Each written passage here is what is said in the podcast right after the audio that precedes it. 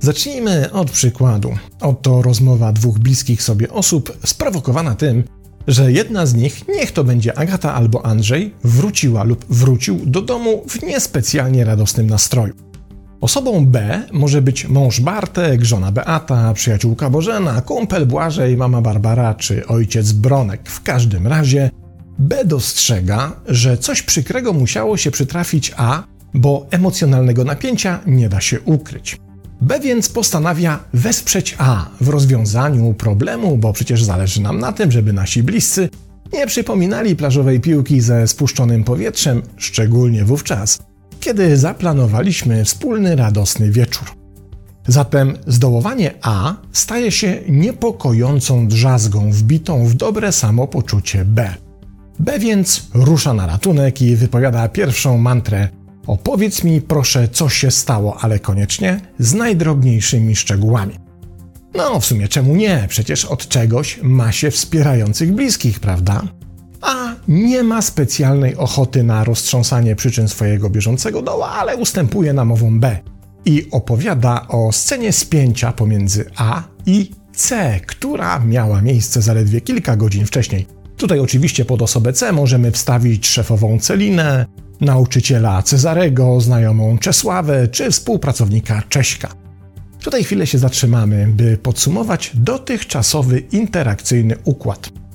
Oto doszło do jakiegoś rodzaju starcia lub konfliktu pomiędzy osobą A i C, które to zdarzenie po kilku godzinach osoba A relacjonuje osobie B zaniepokojonej skutkami, jakie w systemie emocjonalnym osoby A to zdarzenie wywołało. Ta interakcja układa nam się więc w trójkąt o wierzchołkach A, B i C. Teraz, przygotowawszy sobie chipsy i piwo, wróćmy do rozmowy pomiędzy A i B, bo w tym momencie jazda dopiero się zaczyna. Kiedy A opowiada o zdarzeniu, B co rusz prosi o więcej szczegółów za pomocą kolejnej mantry, która brzmi: Chcę dokładnie zrozumieć, co się stało, więc niczego nie pomijaj.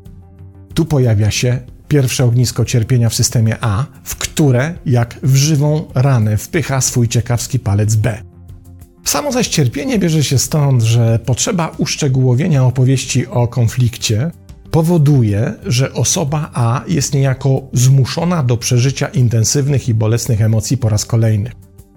Najbardziej bolesne dla A okazują się te szczegóły konfliktu, w których A zachowała się w konkretny sposób, mimo iż już teraz wie, że mogła się zachować inaczej, lepiej, bardziej skutecznie, bardziej asertywnie czy stanowczo. Cierpienie jest w takiej sytuacji wynikiem dysonansowego napięcia w A pomiędzy tym, co się wydarzyło, czyli jak sprawy wyglądały, a tym, co powinno się wydarzyć, czyli tym, że A opowiadaną sytuację mogła rozegrać inaczej. Nie trzeba być super specjalistą, by wychwycić te momenty w opowieści, bo widać to od razu na przykład wówczas, kiedy utrata pewności siebie oraz poczucie winy pojawiają się pod postacią zawahań, drżenia głosu, zniżenia tonu i pod wieloma innymi postaciami, kiedy opowiadamy komuś to, jak się zachowaliśmy, wiedząc, że mogliśmy się zachować inaczej. I oczywiście wszystkie te momenty w opowieści A natychmiast są wychwytywane przez B i jednocześnie stanowią powód do przerwania opowieści trzecią mantrą.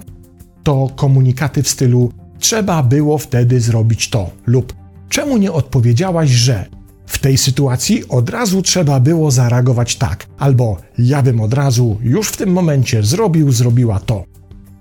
W naszym interakcyjnym trójkącie Pojawia się więc kluczowa zmienna, w której osoba B zaangażowana w uszczegółowioną relację z konfliktu wskazuje osobie A, co powinno się na konkretnym etapie konfliktu zrobić, co powiedzieć jak zareagować. I tu następuje ciekawy paradoks. Otóż mamy sytuację, w której osoba B chce wesprzeć osobę A, ale efekt, który uzyskuje, jest dokładnie odwrotny do zamierzonego. Zamiast wsparcia następuje pierwszy efekt utrwalacza.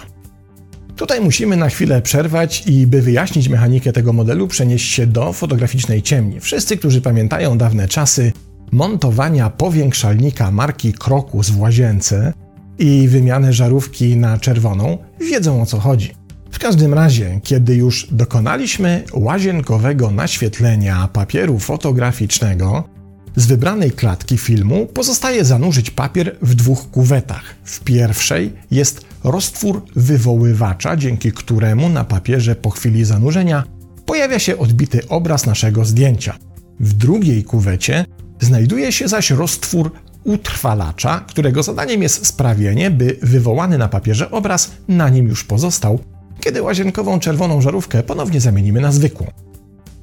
Dlaczego przywołuję tu proces wywoływania zdjęć?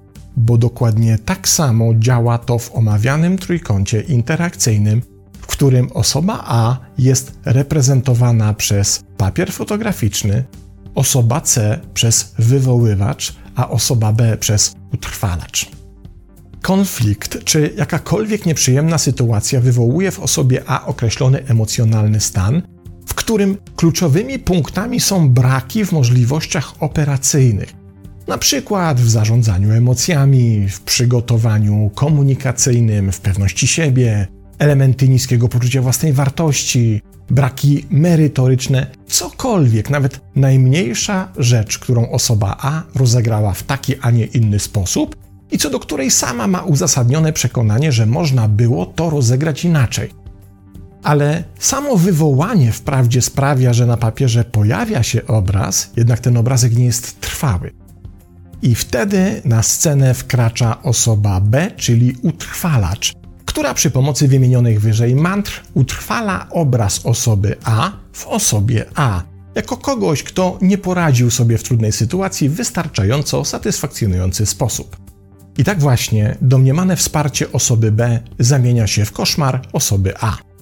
Nie dość, że sam fakt opowiadania szczegółów, o których najchętniej chcielibyśmy zapomnieć, jest bolesny, to jeszcze wskazywanie rozwiązań w stylu czemu tak nie zrobiłaś, zrobiłeś i ja bym tak zrobiła, zrobił, jedynie umacnia osobę A w przekonaniu, jak źle sobie poradziła i jak do niczego się nie nadaje.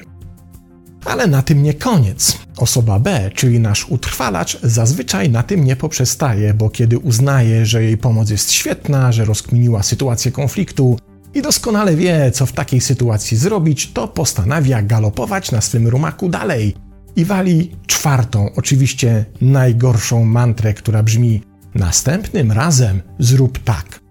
Oto jej zdaniem naprawa się dokonała, można więc odkasać rękawy i zasiąść do kolacji. Teraz dopiero mamy komplet zbrodni, którego działanie najlepiej widać na osi czasu. Trzy pierwsze mantry wypowiadane przez osobę B stanowią presję przeszłości, zaś czwarta jest presją przyszłości.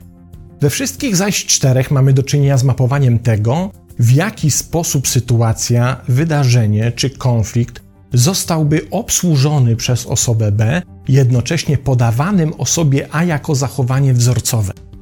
Dr Erin Leonard z Uniwersytetu Michigan i autorka kilku książek z zakresu dysfunkcjonalnych, emocjonalnych strategii relacyjnych wskazuje, że właśnie takie działanie utrwalacza jednocześnie komunikuje, że osoba, której udzielane są tego typu rady, nie jest w stanie samodzielnie rozwiązać problemu, co z jednej strony obniża jej poczucie własnej wartości, a z drugiej podważa pewność siebie, sugerując, że następnym razem również sobie nie poradzi.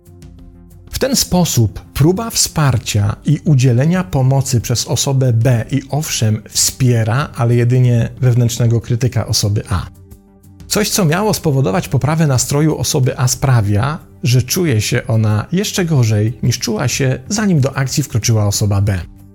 Bo z perspektywy osoby A, rady osoby B są ewidentnym dowodem na to, że osoba A sobie kiepsko radzi i skoro ma się zastosować do poleceń B również w przyszłości, to musi oznaczać, że sama nie jest uważana przez osobę B za kogoś zdolnego do samodzielnej obsługi wyzwań stawianych przez życie.